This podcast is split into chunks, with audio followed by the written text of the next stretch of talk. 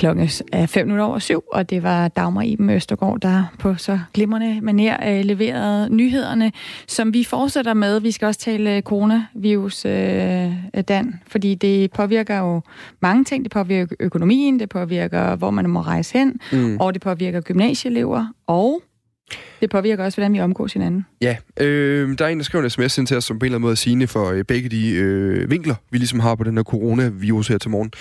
Øh, der er en, der skriver, det, øh, der er det lidt øh, der, hvor man savner ganske almindelig sund fornuft, kunne man ikke bare give håndtrykket og derefter spritte sig af. Det handler om, at de her håndtryksceremonier, som de er populært er blevet kaldt, egentlig hedder de grundlovsceremonier, som øh, nye statsborgere skal igennem for at få deres øh, øh, pas, kan man sige, deres danske statsborgerskab.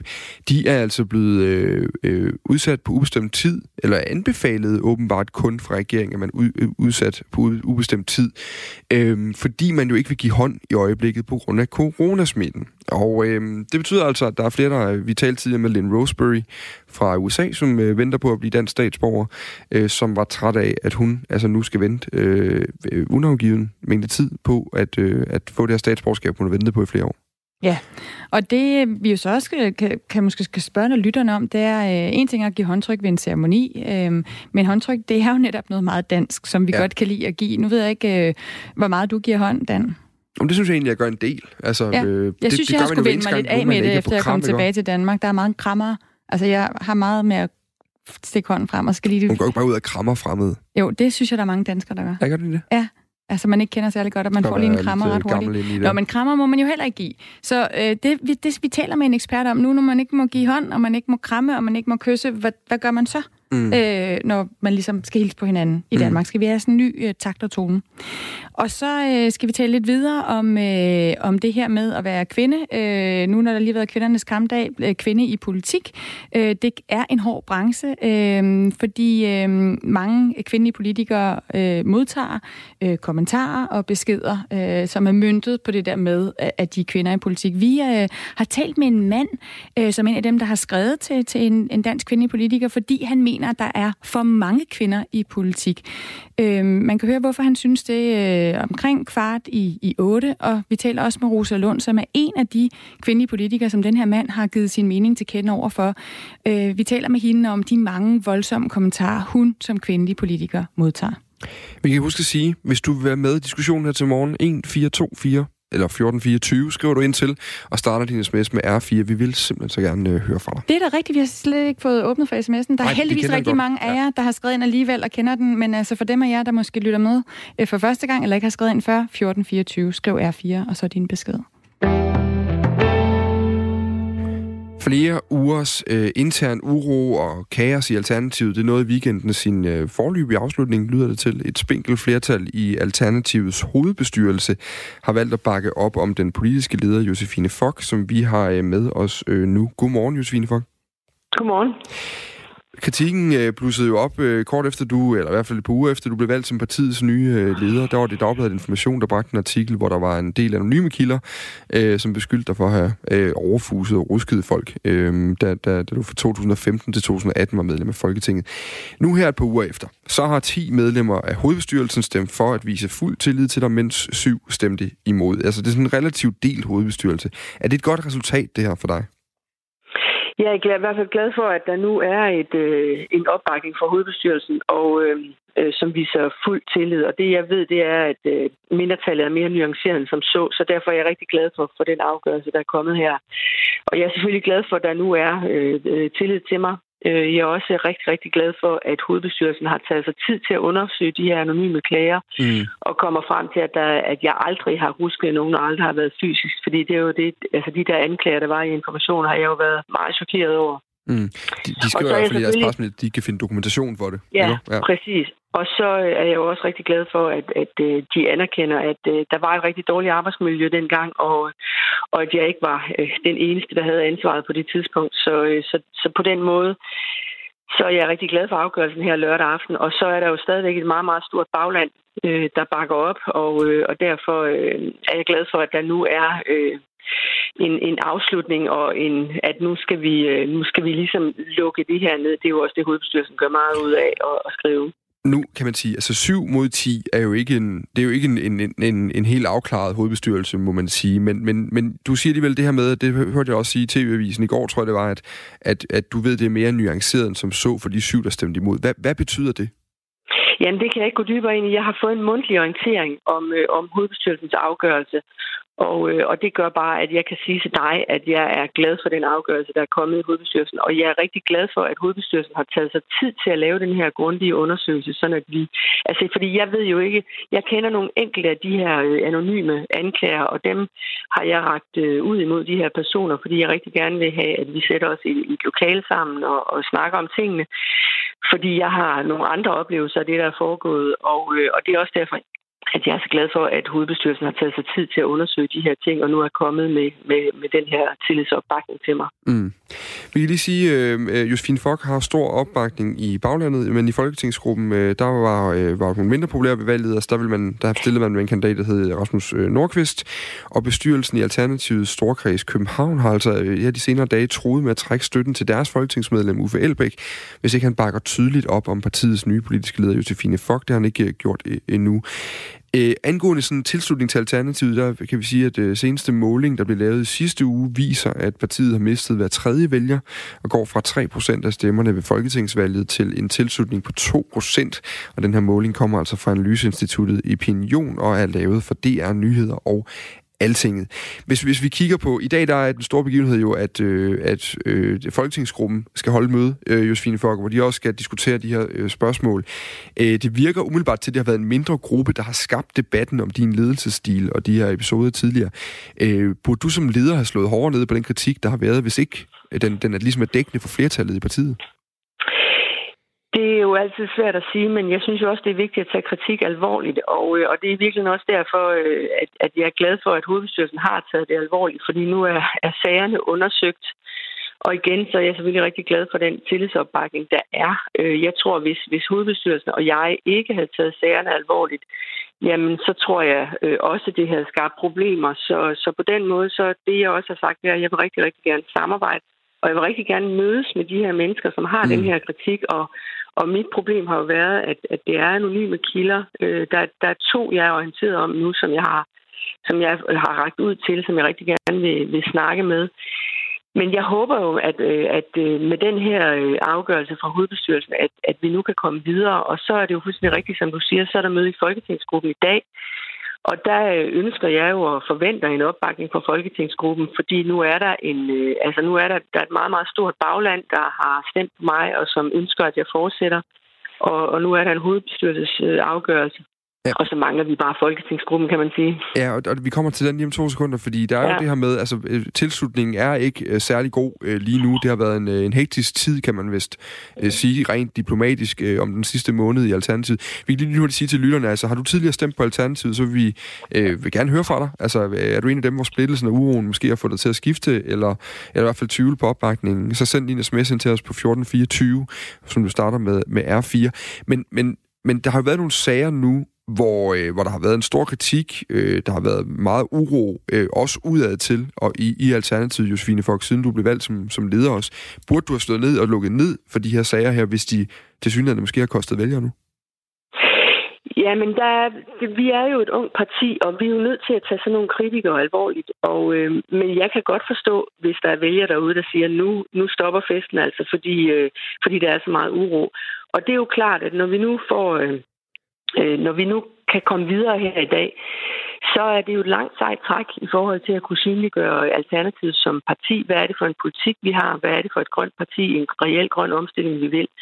Og, øh, og det er, bliver en, et langt sejt træk, men vi har heldigvis tiden, så jeg er sådan rimelig fortrøstningsfuld i forhold til, at, at nu, når vi nu kommer over på den anden side af det her, at så kan vi gå i gang med at snakke politik, og så er det der, at vælgerne for alvor kommer til at kunne, kunne tage stilling til os som parti. Men lige nu kan jeg sagtens forstå, hvis øh, den danske vælger sidder derude og tænker, nej, nej, nej, det, det er et parti med for meget uro i. Der kan jeg så bare garantere, at, at nu er jeg jo valgt som politisk leder, at, øh, at øh, jeg kommer til at arbejde seriøst med, at vi, vi bliver et parti, man, man har en fornemmelse af, hvad står for.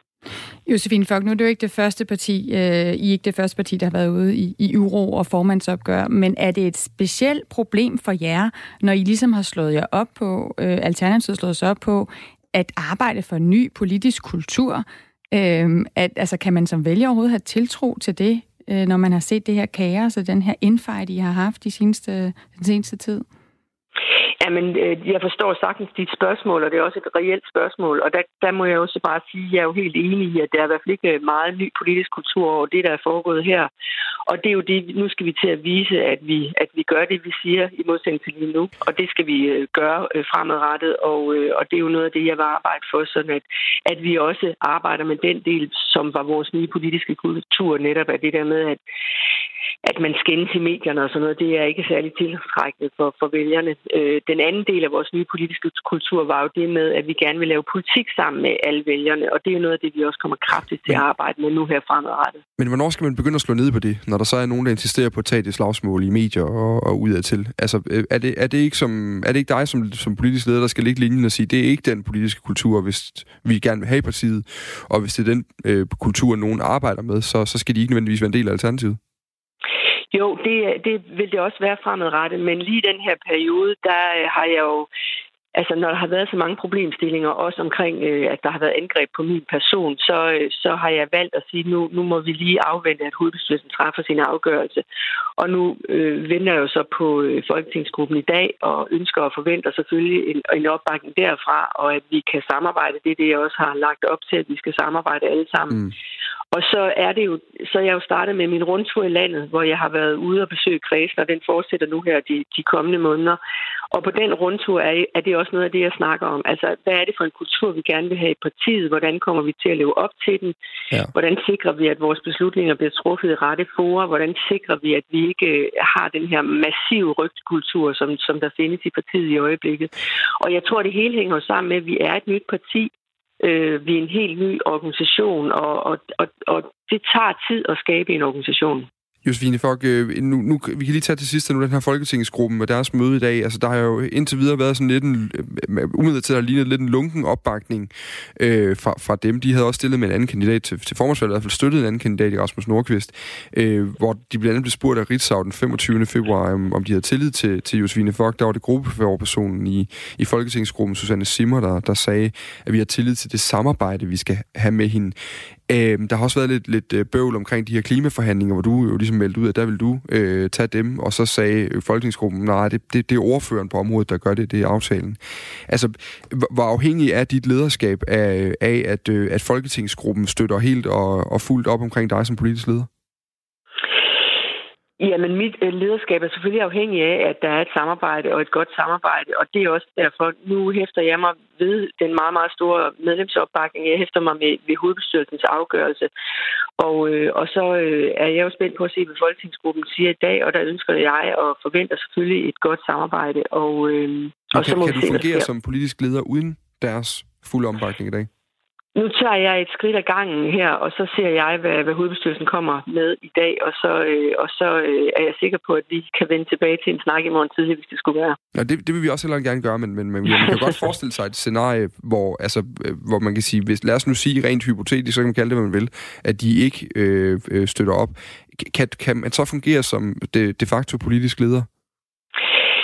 Altså jeg vil sige, der ligger et pænt pres på, på, på Folketingsgruppen, øh, fordi der nu er også en hovedbestyrelse, der bakker op, så, og hvad kan man sige, har fået genbekræftet mit mandat. Så det er klart, at jeg forventer og ønsker meget et, et, øh, en opbakning fra Folketingsgruppen, og, øh, og det må Folketingsgruppen jo tage stilling til, og hvis, hvis der er øh, mennesker i Folketingsgruppen eller andre steder, som, som ikke vil være med i Alternativet og det fremtidige projekt, jamen så må det enkelte person jo træffe sine egne konsekvenser. Og mm. det er mm. derfor, jeg siger nu, nu afventer jeg og ser, hvad Folketingsgruppen øh, kommer frem til.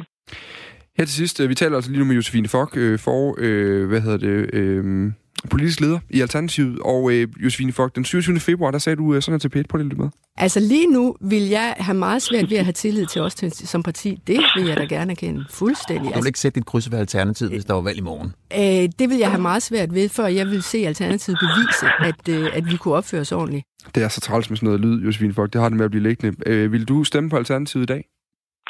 Ja, det vil jeg, men jeg står også ved, hvad jeg sagde, fordi jeg kan godt forstå, det spurgte du mig jo også til, at vælgertilgang, øh, eller hvad hedder det, vælgertilslutning lige nu er lav. Og altså, når jeg sidder, hvis jeg sidder som almindelige vælgere og kigger på os udefra, så går det jo ikke, at vi er et parti, der, øh, der er i, i sådan en uro.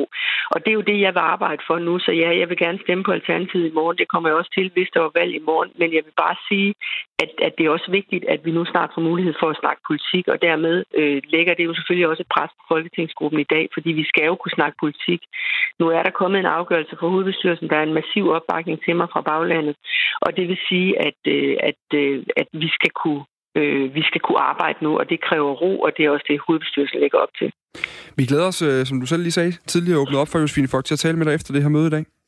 Det er fint. I ringer bare. Det er godt. Tak fordi du var med her i hvert fald. Velbekomme. Altså politisk leder for Alternativet, Josefine Fogt. Og skal jeg lige spille den her. Og vi skal også til at holde afstand fra hinanden, desværre, kan man sige. Øh, kindkøs, kram, øh, håndtryk er en del af vores kultur, og jeg synes personligt også selv, der er rigtig meget mental sundhed i et godt kram, men øh, vi er også nødt til at forebygge smittespredning og holde afstand fra hinanden. Ja, selvom det kan være sundt at få et kram, så skal det altså være slut med det lige nu. Det sagde direktør i Sundhedsstyrelsen Søren øh, Brostrøm i et pressemøde i, i fredags. Og øh, derfor så har vi øh, ringet til dig, øh, Susanne Utsen. Godmorgen. Må jeg godt lige sige, at jeg hedder altså ikke Susanne? Nej, undskyld, Sanne, og det står der også her. Jeg ved ikke, hvorfor jeg fik det til et su. Det er, fordi der var Utsen bagpå. Det må du undskylde. Og du er jo øh, netop øh, ekspert i takt og tone, så det er ikke særlig god takt at starte med at sige dit navn forkert. Øh, og du forfatter til bogen øh, Takt og tone i tiden. Det vi gerne vil tale med dig om, det var jo det her med, hvordan vi nu skal hilse på hinanden, når vi ikke må give hånd, vi må ikke give en krammer, og vi må heller ikke give knus og kys. Ja, det er jo det kan jo være lidt vanskeligt, fordi det er den måde, vi begyndte, altså især den med kys og kram, det er selvfølgelig en nyere ting, men håndtryk er jo klassisk øh, en vestlig måde at hilse på. Så det, at, at man pludselig skal lave nogle andre øh, måder at gøre det på, det bliver, det bliver sådan underligt akavet, og det er i hvert fald min vurdering, at øh, det der med, at man ikke skal give hånd, det, ikke, det har ikke rigtig vundet indpas, ligesom at det er også lidt vanskeligt at være at kramme folk, men øh, man øver sig jo på det. Mm. Jeg, jeg var ude at besøge et øh, vennepar i går, ja. og øh, der, uden jeg overhovedet tænkte over det netop, efter jeg var kommet ind i gang, der havde jeg allerede noget at kramme begge to, og øh, de havde også noget at kramme min lille søn, og øh, det var fuldstændig, som det plejede at være, og så dukkede tanken op lige bagefter, burde vi egentlig have gjort det. Men, men altså, hvordan, hvordan, hvad er alternativet egentlig? For det kan virke sådan helt unaturligt at skulle gå en anden vej. Jeg tænker, at hvis man møder til et, øh, eller man, man deltager i et møde, hvor man jo normalt vil gå rundt og give hånd til de andre deltagere, så kan det, så kan det sagtens erstattes af, at man sådan har øjenkontakt og laver måske sådan et lille vink med højre hånd, sådan, åh oh, hej, her er jeg. Mm. Fordi meget af det, som håndtrykket handler om, det handler om, at man, når man kommer ind i et rum, at man så også anerkender, at de andre er til stede, og man har øjenkontakt med dem, og man siger, indirekte, jeg ved, du er her, jeg, eller jeg ser din tilstedeværelse. Med venner er det lidt anderledes, fordi de kram, man giver, og, eller kys, det er jo sådan, at man også udtrykker sit, øh, sit, sit venskab. Og, og det er jo lidt svært, når man sådan bare står og vinker. Men, men man kan sige, at det kan vi jo, det kan vi jo blive nødt til. Og, og det er jo også interessant at se, tænker jeg, at hvis det her var ved, Hvordan ser det så ud på den anden side? Har vi så ændret det her med at kysse og kramme?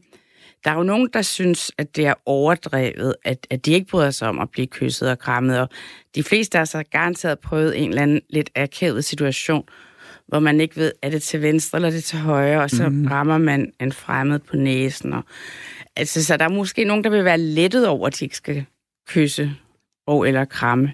Det kunne man godt forestille sig. Det kunne være meget sjovt, hvis vi om 100 år i historiebøgerne skrev, jamen vi har, i Danmark krammede man før i tiden, det har man faktisk ikke gjort siden coronaepidemien i 2020. Ja. Så noget lignende, ikke? Ja.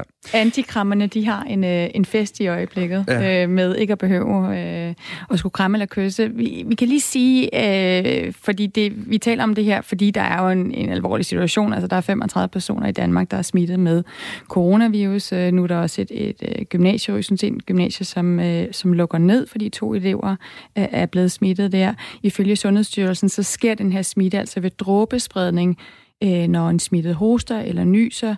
Øh, men fysisk kontakt kan jo altså også være, være kilde til smitte. Dan, jeg tror, vi interviewede en biolog, som fortalte, at hvis man rører ved en overflade, så kan virusen sidde der mm. i op til 48 timer. Ikke? Øh, øh, Sanne Utsen, øh, kan vi nu øh, altså få nogle helt nye rutiner, udvikle nogle helt nye rutiner, som, som vi ikke før har set.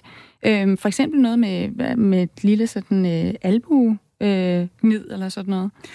Altså lige den der med albuen, det, det tvivler jeg lidt på, fordi det ser sjovt ud, når man ser det sådan på film eller på de sociale medier, hvor nogen forstyrrer med det. Men, men jeg tvivler lidt, fordi det ser det, det tror jeg simpelthen er for akavet. Jeg tror snarere, hvis det endelig skulle være, at man skulle begynde med sådan noget, så ville det nok mere, mere i den, over i den der namaste-stil. Altså, ikke at jeg tror, det kommer til at ske, men det der jo allerede, skal vi sige, store civilisationer i verden, der bruger Altså foldede hænder, hvor ja, man ligesom... Nej, ikke foldet, men du sætter hænderne sammen og et ja. lille nik, ikke? Ja. Øh, namaste. Og jeg har lagt mærke til, for eksempel, hvis man er i, i Asien, og folk har travlt eller bærer noget i den ene hånd, så gør de det bare med død. Med den ene hånd, så ligger det sådan et halvt namaste. øhm, men det kan godt, altså jeg tænker mere, det bliver i den retning, fordi det allerede er i godsøjne en anerkendt hilseform.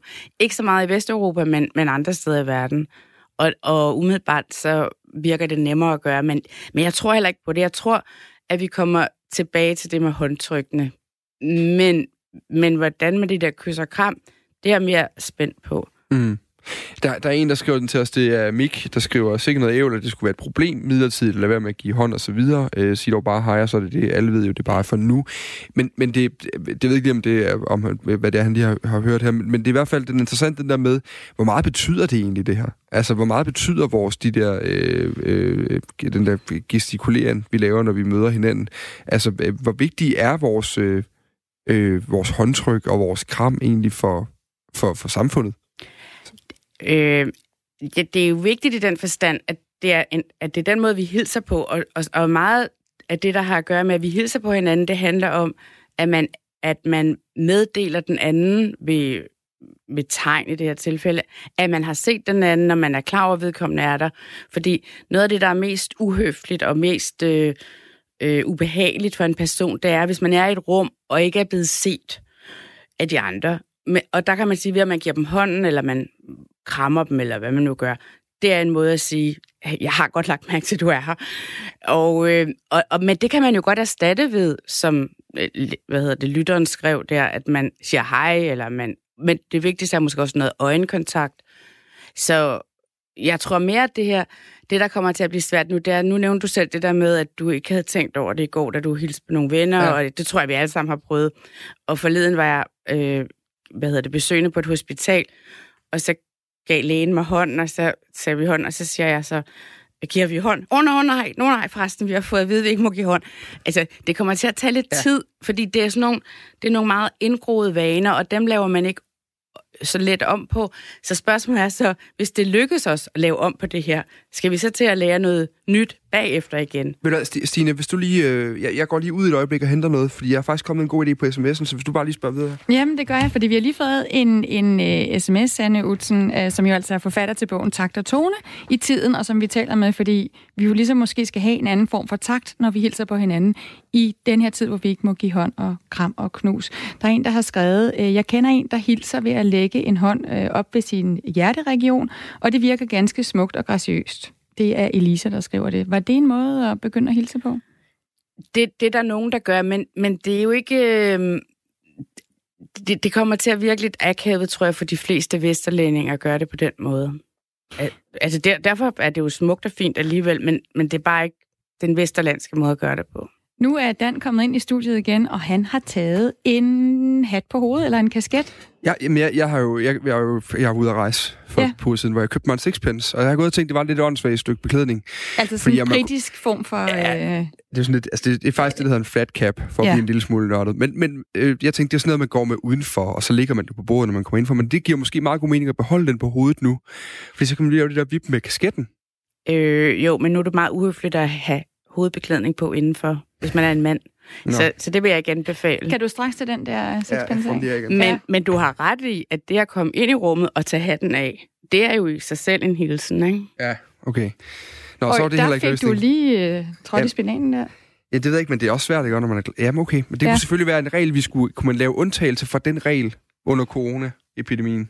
Med hatte på? Ja. Ah, der synes jeg alligevel, at vi går til yderlighed. det er gået for langt. Sande Usen, vi har lige et sidste spørgsmål til dig, for vi har talt rigtig meget, vi tæller os videre her til morgen, om den her, de her håndtryksceremonier.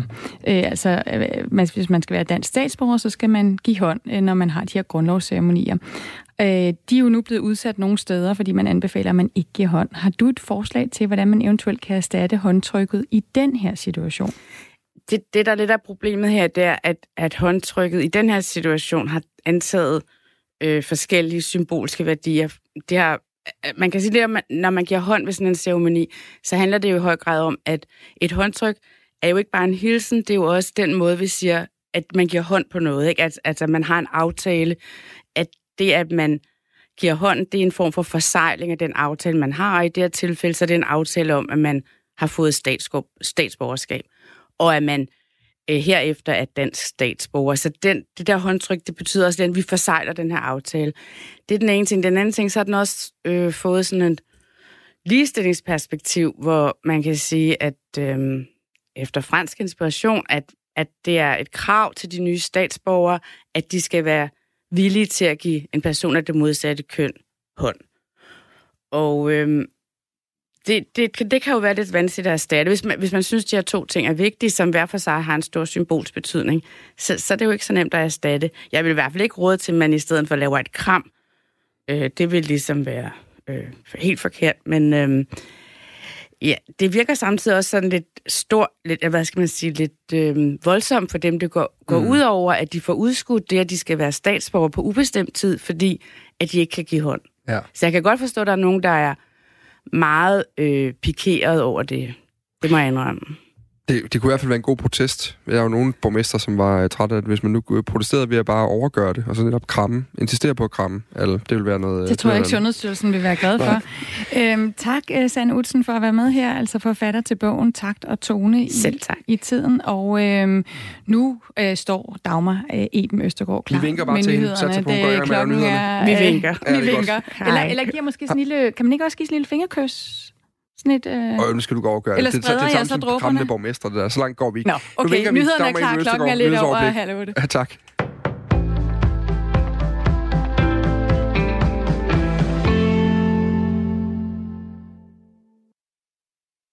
Overvejer at tage imod omkring 1.500 børn fra asyllejre i Grækenland. Det meddeler Tysklands regering natten til i dag. Der forhandles om en humanitær løsning på det europæiske niveau blandt en koalition af beredvillige om at tage disse børn, lyder det i en udtalelse fra regeringen. I Tyskland der er man villig til at tage en passende andel, lyder det, men uden altså at antallet det specificeres. Vi ønsker at støtte Grækenland i en svær humanitær situation for mellem 1000 og 1500 børn på de græske øer, tilføjer regeringen. Udmeldingen den kom efter mere end syv timers forhandlinger mellem kansler Angela Merkel og hendes regeringspartnere i SPD. Flere steder har der været bekymringer vedrørende børns situation på øerne, hvor flere enten har brug for behandling fra sundhedspersonale eller ikke har nogen voksne ledsagere. Aktiemarkederne i Asien de falder mandag tungt på bekymring over de økonomiske konsekvenser af det virusudbrud, der siden januar har spredt sig fra Kina til resten af verden. Et kollaps i olieprisen har forstærket panikken på finansmarkederne, skriver nyhedsbyråerne Reuters og AFP. Fra Sydney til Tokyo, der er aktiemarkederne mandag et rødt hav, lyder det. I Japan og Australien falder aktieindeksene med omkring 6 procent, mens Sydkorea og Singapore oplever fald på omkring omkring 3 procent. Ved en fyringsrunde på en statslig arbejdsplads er sandsynligheden stor for, at den rammer de ældre medarbejdere. Det viser en ny analyse fra fagforbundet JØF, der har gennemgået samtlige af forbundets 1650 fyringssager sidste år, skriver politikken. Ifølge analysen, der er omfattet de menige medarbejdere, ikke cheferne, ramte 39 procent af de offentlige fyringssager medlemmer på 50 år eller derover. Og det er altså på trods af, at den her aldersgruppe udgør 22 procent af alle de offentligt ansatte Djøf-medlemmer. Sara Fergo, der er formand for de offentligt ansatte medlemmer af Djøf, siger til politikken, at seniorerne er den gruppe, der har sværest ved at komme tilbage til arbejde arbejdsmarkedet, hvis de mister jobbet i en moden alder. Og derfor står man altså med et problem i dobbelt forstand, når de statslige arbejdsgiver i højere grad fyrer de ældre medarbejdere. Sarah Fergo hun opfordrer de statslige arbejdsgivere til at gå forrest og vise, at der er plads til flere seniorer på det offentlige arbejdsmarked. Og den opfordring tager skatteminister Morten Bødskov alvorligt. Han har derfor inviteret tre store forbund, Djøf, HK Stat og Dansk Magisterforening til møde i ministeriet. Det er rige borgere med en lystjagt på havnen og tre Audi'er i garagen og de største virksomheder, der skal betale mest til den grønne omstilling. Sådan lyder to hovedkrav fra enhedslisten i forhandlingerne om den nye klimahandlingsplan. De begynder med indledende møder hos klimaminister Dan Jørgensen på tirsdag efter Klimarådets anbefalinger til, hvordan Danmark kan blive, hvordan Danmark kan blive grønnere, skriver politikken. Henrik Møring han uddyber kravene fra partiet. For det første vil enhedslisten indføre en grøn rimandskat. Konkret betyder det, at borgere skal betale 1% i skat direkte til den grønne omstilling af finansiel formue over 3 millioner kroner. Det vil sige obligationer, aktier og indestående i banken. Lån kan dog trækkes fra, og hverken boligformue eller pensionsformue tæller med. Det skal give statskassen et proveny på 1,4 milliarder kroner. For det andet vil enhedslisten gøre op med den praksis, der betyder, at en stribe danske virksomheder slipper billigere, når de udleder drivhusgasser. I dag modtager blandt andet cementvirksomheden Aalborg Portland, Arla og Rockwool gratis CO2-kvoter. Fremover skal de betale på lige fod med andre. Og med et ord fra Henrik Møring, så tager vi et kig på vejret til slut. Det bliver skyet i dag med stedvis regn eller spredte byer, men i løbet af eftermiddagen, der klarer det op vestfra med lidt sol og efterhånden kun enkelte byer. Temperaturerne de lander mellem 6 og 10 graders varme. Og så skal vi tilbage til Radio 4 morgen, som i dag er med Dan Grønbæk og Stine Kromand Dragsted.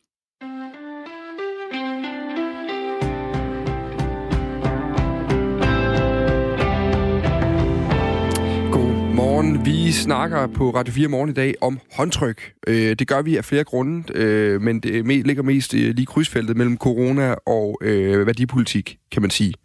Ja, og sundhedspolitik. Er sundhedspolitik også enormt?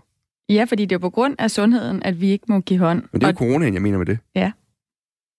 Stine, væk. Okay. Så det, jeg, nå, nå. jeg snakker lige herover. Ja.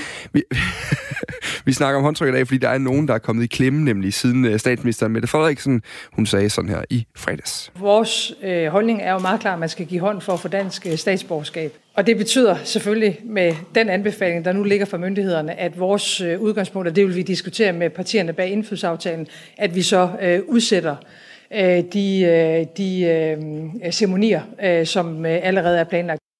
Mange af landets kommuner de har altså udskudt de her grundlovsceremonier, hvor kommende danske statsborgere de skal øh, trykke hånd med en borgmester eller en embedsmand. Øh, men i Næstved Kommune, der fortsætter de håndtryksceremonierne, og øh, det kan vi jo spørge dig om, øh, hvorfor, Carsten Andersen. Godmorgen. Altså, ja, godmorgen, Carsten Rasmussen. Ja, Carsten Rasmussen, øh, ja men øh, det har jeg jo valgt at gøre, fordi øh, at de her 14, som nu skulle have dansk statsborgerskab i Næstved, det kunne de jo først, når de har givet borgmesteren, eller som I siger, indslaget en, en anden øh, offentlig person, myndighed øh, i hånden. Og jeg synes jo ikke, at øh, jeg udsætter hverken mig selv eller de 14 personer for en øget risiko ved at lige nuagtigt at give dem håndtryk, netop fordi jeg havde vasket hænder grundigt inden, for jeg havde for øvrigt haft fire brudepar om formiddagen, dem har vi jo stadigvæk.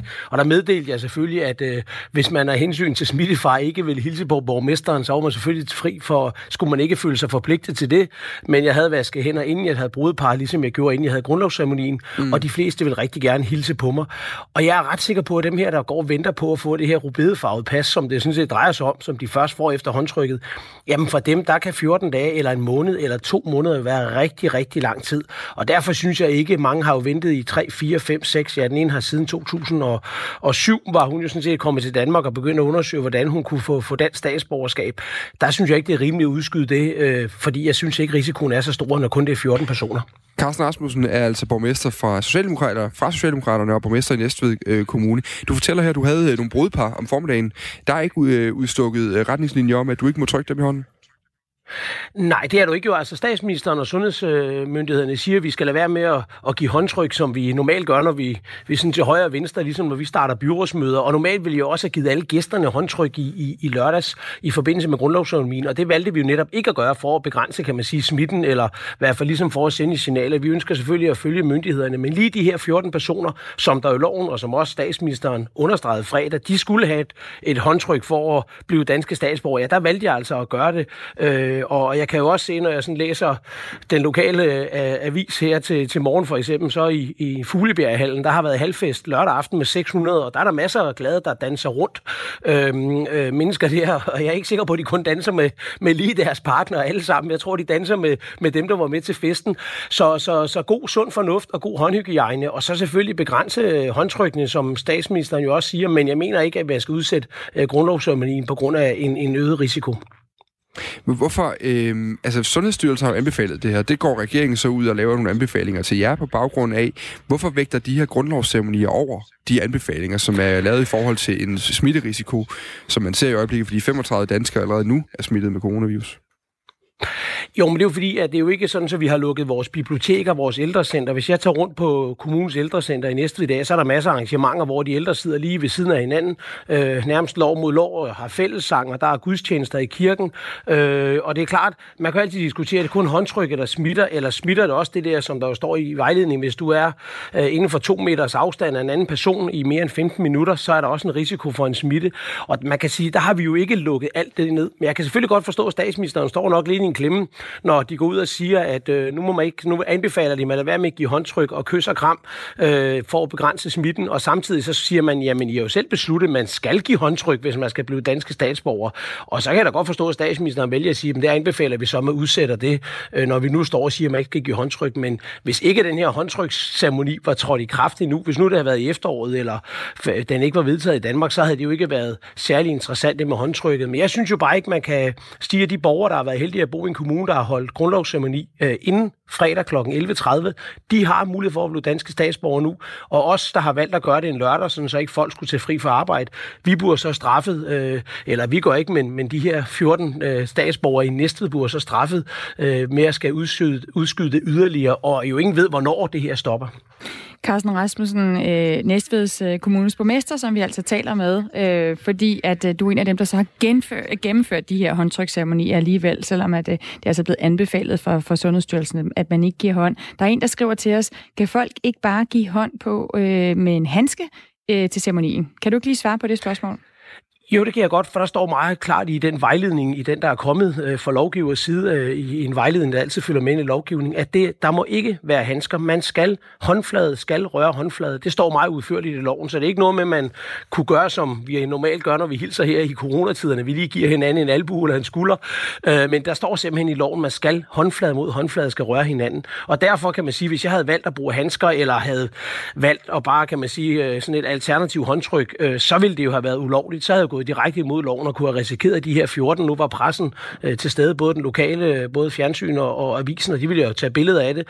Og hvis ikke jeg havde gjort det, som der stod i loven, så havde de jo ikke været danske statsborgere nu man, man kan sige, nu, nu sagde du lige før, at de her mennesker er jo folk, der har ventet på statsborgerskabet i lang tid, og derfor var det vigtigt at få det gjort færdigt. Kan man ikke også lige præcis omvendt sige, at de har ventet i lang tid, fordi de skulle vente tre måneder længere, eller fem måneder længere, eller fire uger, øh, indtil smitterisikoen var så lav, at man vurderer, at vi gerne må trykke hånd igen. Altså havde det ikke været til, øh, til større gene end som så? Jo, men jeg er sikker på, at barndåbene, der er foregået i går i kirkerne, de er også gennemført, og der står man også ganske tæt øh, på, på, på præsten, øh, og børnene er blevet døbt, der kan man heller ikke bare sige, at vi udskyder det i to-tre måneder. Det svarer jo til, at at skat i dag meldt ud, og på grund af virus, så kan man ikke se, om man skal betale eller have penge tilbage i skat de næste tre måneder. Så er jeg ret sikker på, at der vil være et ramaskrig blandt befolkningen i Danmark. Nu er det her jo en meget lille gruppe, det drejer sig om, og for, man siger, for næstes vedkommende er det 14. Jeg ved ikke, hvor mange der er i København, Aarhus og Aalborg. Jeg kan da godt forstå, at hvis det er 100 eller 200, som det måske typisk vil være i, i de helt store byer, der skal man selvfølgelig tage nogle forholdsregler. Jeg har også set valgens Asbæk gennemførte jo også øh, grundlovsceremonien. Der valgte Henrik Rasmussen, borgmesteren, at tage en en af gangen i byrådsal og give håndtryk, øh, sådan så ikke de var samlet. Øh, men, men jeg synes, øh, jeg synes jo ikke, at de her mennesker, jeg vil også sige, at alle 14 var utroligt taknemmelige, og det var jo også et, et, et meget stort øjeblik for dem, at jeg holdt en personlig tale for dem. Vi sang to sange, øh, gode danske sange, og, og, og for dem var det jo meget stort, og det sagde de også alle sammen, og de alle sammen takkede bagefter. De havde været så nervøs fredag, da de hørte, at nu udskød flere og flere kommuner. De havde jo ringet til os, været på vores hjemmeside, og de var bare sagt taknemmelige, og det var deres øh, øh familie og deres danske venner, der var med os over, at nu var det klaret. Øhm, og det svarer jo lidt til, at når man går lige og venter på, på andre eksamensopgaver, andre køreprøver, når man skal have et kørekort, den der ventetid, det kan godt være, at vi er svært ved at sætte os ind i det her, gud, 14 dage, en måned, to måneder. Men når man går og venter på noget, så er det altså rigtig lang tid, og det er meget, meget stort at blive dansk statsborger. Det understregede jeg også i min tale i lørdags. Og det fik du også understreget i radioen her nu. Tak for det, Carsten Rasmussen. Velkommen. Altså borgmester i Næstved Kommune. Og øh, jeg ved ikke, om det kan sammenlignes, men jeg bare siger, at jeg kan godt sætte mig ind i det der med, hvordan det er at skulle vente lidt ekstra. Øh, vi øh, har boet mange år i USA og har en, en datter, der, der er 17 år, som vi har søgt om green card til, altså så hun kan blive i USA, hvis, hvis vi flytter. Og det har vi gået og ventet på i rigtig lang tid, og det er nu kommet. Hvis vi pludselig fik at vide, at det skulle udsættes, hun er ved at søge på universitet og så videre, Øh, det vil virkelig skabe noget usikkerhed. Men man kan jo også godt være djævelens advokat der og sige, hvor stor betydning har det sådan helt... Vi talte også med Lynn Rosenberry tidligere, som var en af dem, der havde søgt det her danske statsborgerskab, og som, hvor det så var blevet udsat på grund af corona nu. Og hun sagde jo også, det sådan rent praktisk i hverdagen betyder det jo ikke det store. For hende gør det måske ikke. Det betyder, at hun ikke kan stemme, hvis der kommer valg. Øh, så betyder det jo for nogen, hvis man har et bestemt type pas, hvor man ikke kan rejse mange steder hen i verden, at man måske ikke kan rejse ud. Det bør mm. man så måske det hele taget ikke gøre lige nu. Øh, men jeg kan godt forstå den der med ikke at vide, hvilken, øh, hvilke rettigheder man har, at det kan, det kan være ubehageligt øh, at sidde og vente på. Der er kommet lidt sms'er på det her. Der er øh, flere, der skriver. Der er en, der skriver her, slud og røvl, så længe vi øh, alle er klar over, at det er nye tider, vil det jo ikke føles forkert at hilse med et nik og et øjenkontakt. Nu synes jeg, der er kogt suppe på corona i hidtil uhørt grad, der er en, der skriver. Så er der også en anden, der skriver, at det er også omkring det her med, hvad man skal gøre, når man hilser på hinanden i forhold til øh, corona lige nu. Herligt, at det ikke er kramme og håndtryktid. Jeg har aldrig været glad for håndtryk til læger på grund af smitte. Jeg har selv arbejdet i sygeplejen. Jeg ved, hvor meget smitte der er i et håndtryk skriver Mia til og, os. Og Dan, så har vi fået et lille tweet-digt. Øh, ja. Der er nemlig andre, der godt kan lide at gå med hat ud over dig. Ja. Ja, nu går jeg med hat og skriver tweet-digte. Og jeg tror, der kommer så et tweet her. Mand med hat møder anden mand med hat, hilser og går videre. Ja. Det er Bjarne Kim Pedersen, der har skrevet et lille tweet-digt her. Stor, stor kunst står bedst for, øh, for sig selv. Øh, klokken er 13 minutter i 8.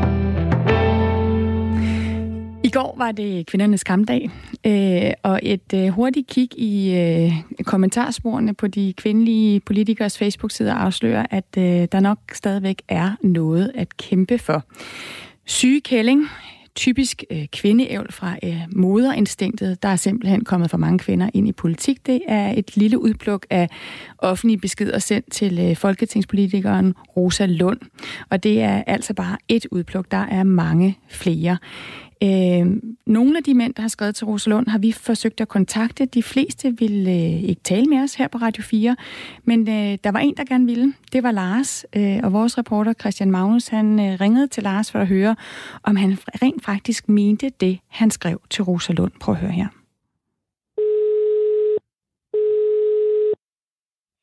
Det er Lars. Hej Lars, det er Christian. Jeg er journalist på Radio 4. Ja, goddag. Goddag. Hvad hedder det? Nu, nu skal du høre, jeg står inde i et studie og optager lige nu. Det er fordi, vi er ved at lave en øh, udsendelse til på mandag, som handler om, jeg ved ikke om du har set, øh, der er nogle kvindelige politikere, som har stået frem og talt noget om nogle beskeder, de har fået og så videre, som har været ubehagelige. Ja. Yeah. Og jeg ved ikke om du, øh, har du for eksempel skrevet beskeder til Rosa Lund, hende politikeren fra Enhedslisten? Ja, det har jeg. Ja. Hvad har du skrevet til hende? Der er for mig, øh, der er for mig kvinde i, der er ingen konsekvenser. Man skal, alle, alle skal stryges med, med hården, du ved, og så kommer de her moderinstinkter frem, som jeg ser hende. Og så er hun, øh, så er hun for ung. Øh, altså nogle gange, så synes jeg bare, at de er for unge, de der mennesker, der sidder derinde og, og vil have kærlighed, og bare sidde og øse uan og lukke alt og alle ind i vores dejlige lille land. Og du, jeg kunne se, at du har skrevet til hende, typisk kvindeævl fra moderinstinktet. Der er simpelthen yeah. kommet alt for mange kvinder ind i politik. Ja. Ja. Hvad, hvad mener du med det? Jamen, det jeg skriver. At der det er ikke så svært at forstå, er det? Nej. Nej. Hvorfor mener og, du, og der er jo forskel på, hvis du går tilbage i 40'erne og 50'erne i stavningstid og op igennem Hans Otto Krav. Prøv så at se, hvor mange der var der. Kvinder? Og prøv at se, hvordan udviklingen... Prøv, ja, og så prøv at følge udviklingen, hvad der er sket siden. Ja. Og så se, hvad vi står over for af problemstillinger. Er det f- og skyldes det, at der er kommet for mange kvinder i politik? Ja, det er det. Hvor ved du det fra? Jamen, det er fordi, jeg er 55 år gammel og har fulgt med i politik i mange år. Og jeg kan se, og jeg kommer fra dagsdivisionsverdenen, øh, og jeg ved, jeg ved, jeg ser dem og møder dem, og sidder i arbejdsgrupper og sidder i øh, bestyrelser og, og, og hører på dem. De sidder alle steder. Så det er ikke bare kvinder i politik, det er generelt øh, over Det er generelt. Alt, hvad jeg siger, det er generelt. Okay. Alt, hvad jeg skriver, det er generelt, og det, det, det kan man heller ikke lige forstå. Hvor, hvor, for det, jeg skriver. Hvor ellers mener du, der er kommet for mange kvinder? Jamen altså på bestyrelsesposter i industrien, altså der, det er fint, de er der. De, de, skal lave sådan, de skal selvfølgelig lave en balance mellem øh, mænd og kvindens måde at tænke på, og lave, skabe god arbejdsmiljø på, og øh, tage, tage beslutninger. Men øh, så længe og når det bliver for mange øh, af den kvindelige, så, så, så, så falder kæden af. Hvad mener så falder du kæden af. På, kæden falder af? På, på, på det. Ja, men altså i forhold til det, øh, øh, øh, altså den der konsekvens, og den der konsekvens, der skal være ude fra, hvad vi ser af udvikling, hvad EU øh, er ved at udvikle sig til, er vi nødt til at have nogen, der kan slå bremseren i, og ligesom, øh, ligesom sige, nej, fandme nej, nu stopper det her. Og så der ikke er følelser med i. Og der... Så, nogle gange skal man ikke have følelser med i, i, i nogle beslutninger. Når følelserne skal ikke have lov til at, at, at, øh, at dominere demokrati, når man sidder i politik. Hvor, øh, hvor ved du fra, at følelser de dominerer de beslutninger, kvinder tager? Øh, øh, fordi jeg er menneske, ligesom du og alle andre er. Nå, så det er, altså, det er klart, altså følelser, følelser, følelser kan være noget skiværk i, i, når man skal gå til handling.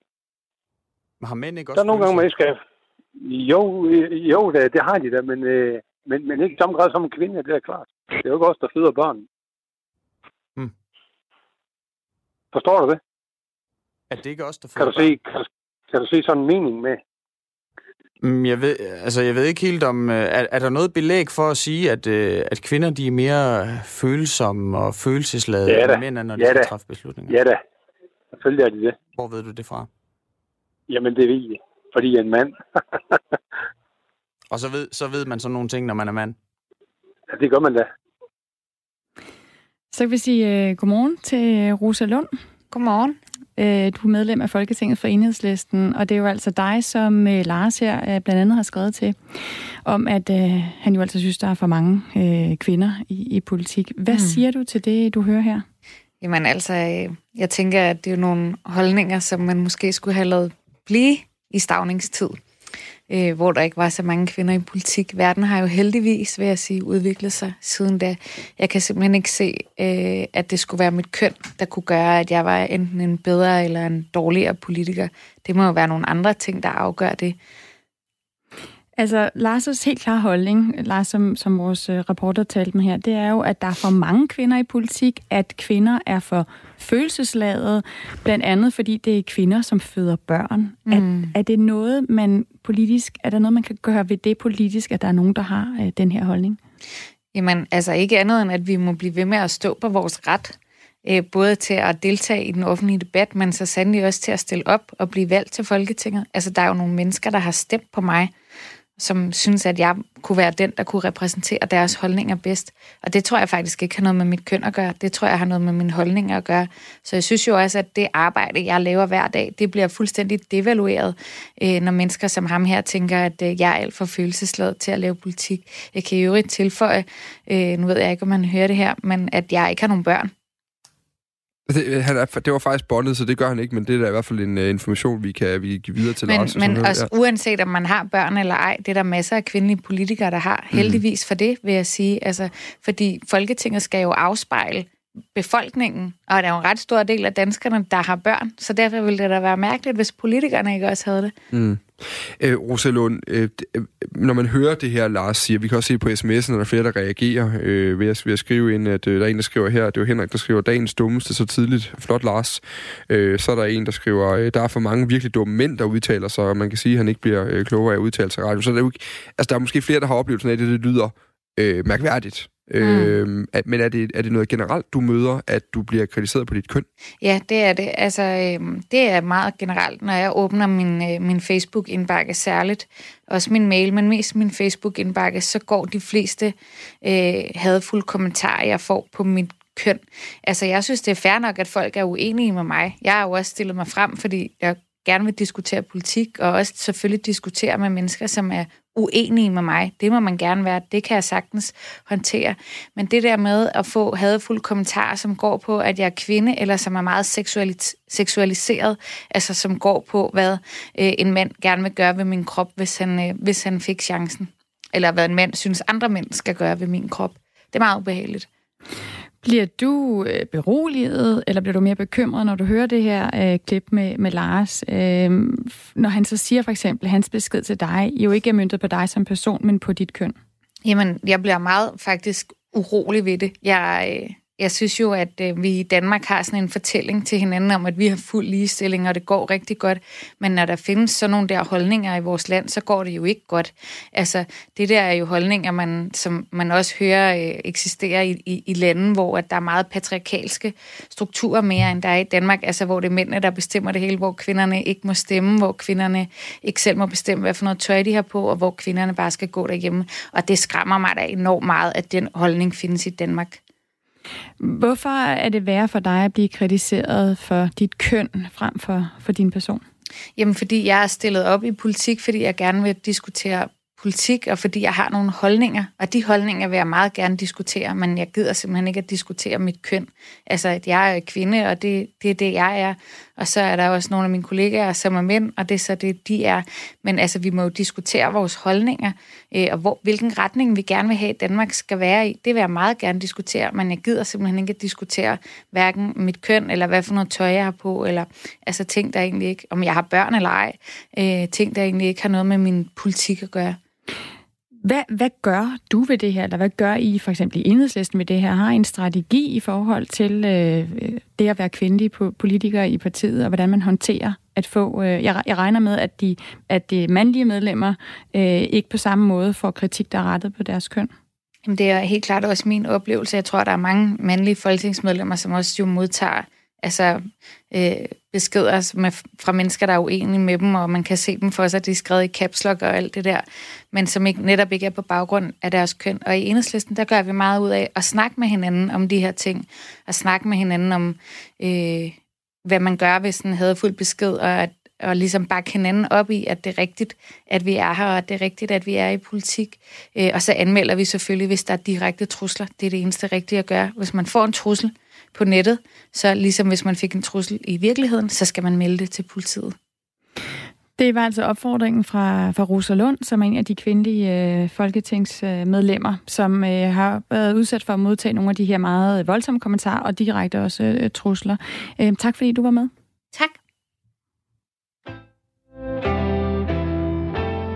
Det var sådan lidt slunken uh, jingle der. Ja, der var lige, ja. en, uh, der var lige lidt... Uh, den skulle lige ud af starthullerne, som man siger. Øhm, jeg tænker, at vi også er på en morgen, nu har vi diskuteret coronavirus i forhold til håndtryk, uh, del af morgenstine, men vi er også på den morgen, hvor det jo sådan efterhånden udvikler sig sådan nærmest time for time i hele verden, det her. Altså, ja. øh, og, og derfor tænker jeg måske, det var på sin plads lige at rise lidt op, hvor vi er øh, lige nu øh, i forhold til øh, coronavirus, eller den her covid-19. Og man kan sige, øh, på verdensplan, der er man nu oppe på, at man har registreret 110.000 smittetilfælde, øh, i hvert fald de seneste meldinger fra, øh, fra Ritzau Nats. Øh, 61.000 af dem er erklæret øh, raske, og øh, viruset har indtil videre kostet lige godt og vel 3800 liv, hvoraf de, øh, flere end de 3.000 altså er øh, fra den her Hubei-provins i Kina, så det, det er godt og vel øh, 800, øh, 700-800 mennesker, der har mistet livet uden for Kina. Så har vi jo så i Danmark set den her tendens, hvor man har lukket ned for større begivenheder. Vi så et Melodikompri, der var med øh, dåslatter og øh, tomme sæder øh, herhjemme, og så det var så Superliga-runden, jo også været spillet for tomme tribuner. Øh, det er også en tendens, der rammer flere steder i verden nu. Øh, vi er ude i en, øh, en del kampe i den italienske CA, der er udsat. Øh, semifinalerne i deres pokalturnering, de to bedste rækker i Schweiz, er suspenderet indtil slutningen af marts. Så er der det indendørs øh, VM i atletik i Nanjing, er udsat til 2021. Øh, Paris Marathon den 5. april er udskudt til oktober. Øh, det kinesiske Grand Prix Formel 1 den 19. april er aflyst. Øh, og så er der flere øh, cykeletapper, der også er, er, er simpelthen blevet aflyst. Øh, derudover også Indian Wells, som sådan i, i tennissprog er den 5 øh, Grand Slam-turnering. Den er altså også blevet, øh, blevet aflyst. Og økonomisk, der kan vi også se, at øh, markederne igen øh, reagerer på det her. Øh, markederne i Asien er åbnet, og der øh, har vi set et stort fald. Øh, og vi kan også se, at øh, oliepriserne har været i frit fald øh, mm. siden søndag. Øh, så det er det her med, at coronaviruset øh, påvirker rigtig mange dele af, af vores samfund øh, lige nu. Øhm, og først og fremmest så er der jo sket det her i Europa, i Norditalien, at, øh, ja, at jeg ved ikke, om det er 13-16 millioner mennesker, der simpelthen nu er, er, er i karantæne. I USA har direktøren for deres Center for Disease Control sagt, at man nok også kommer til at lukke dele af deres samfund ned snart. Lurer man ikke også en bid corona i øh, nyhederne? Den får du her nu med øh, Dagmar Iben Østergaard klokken den er blevet 8.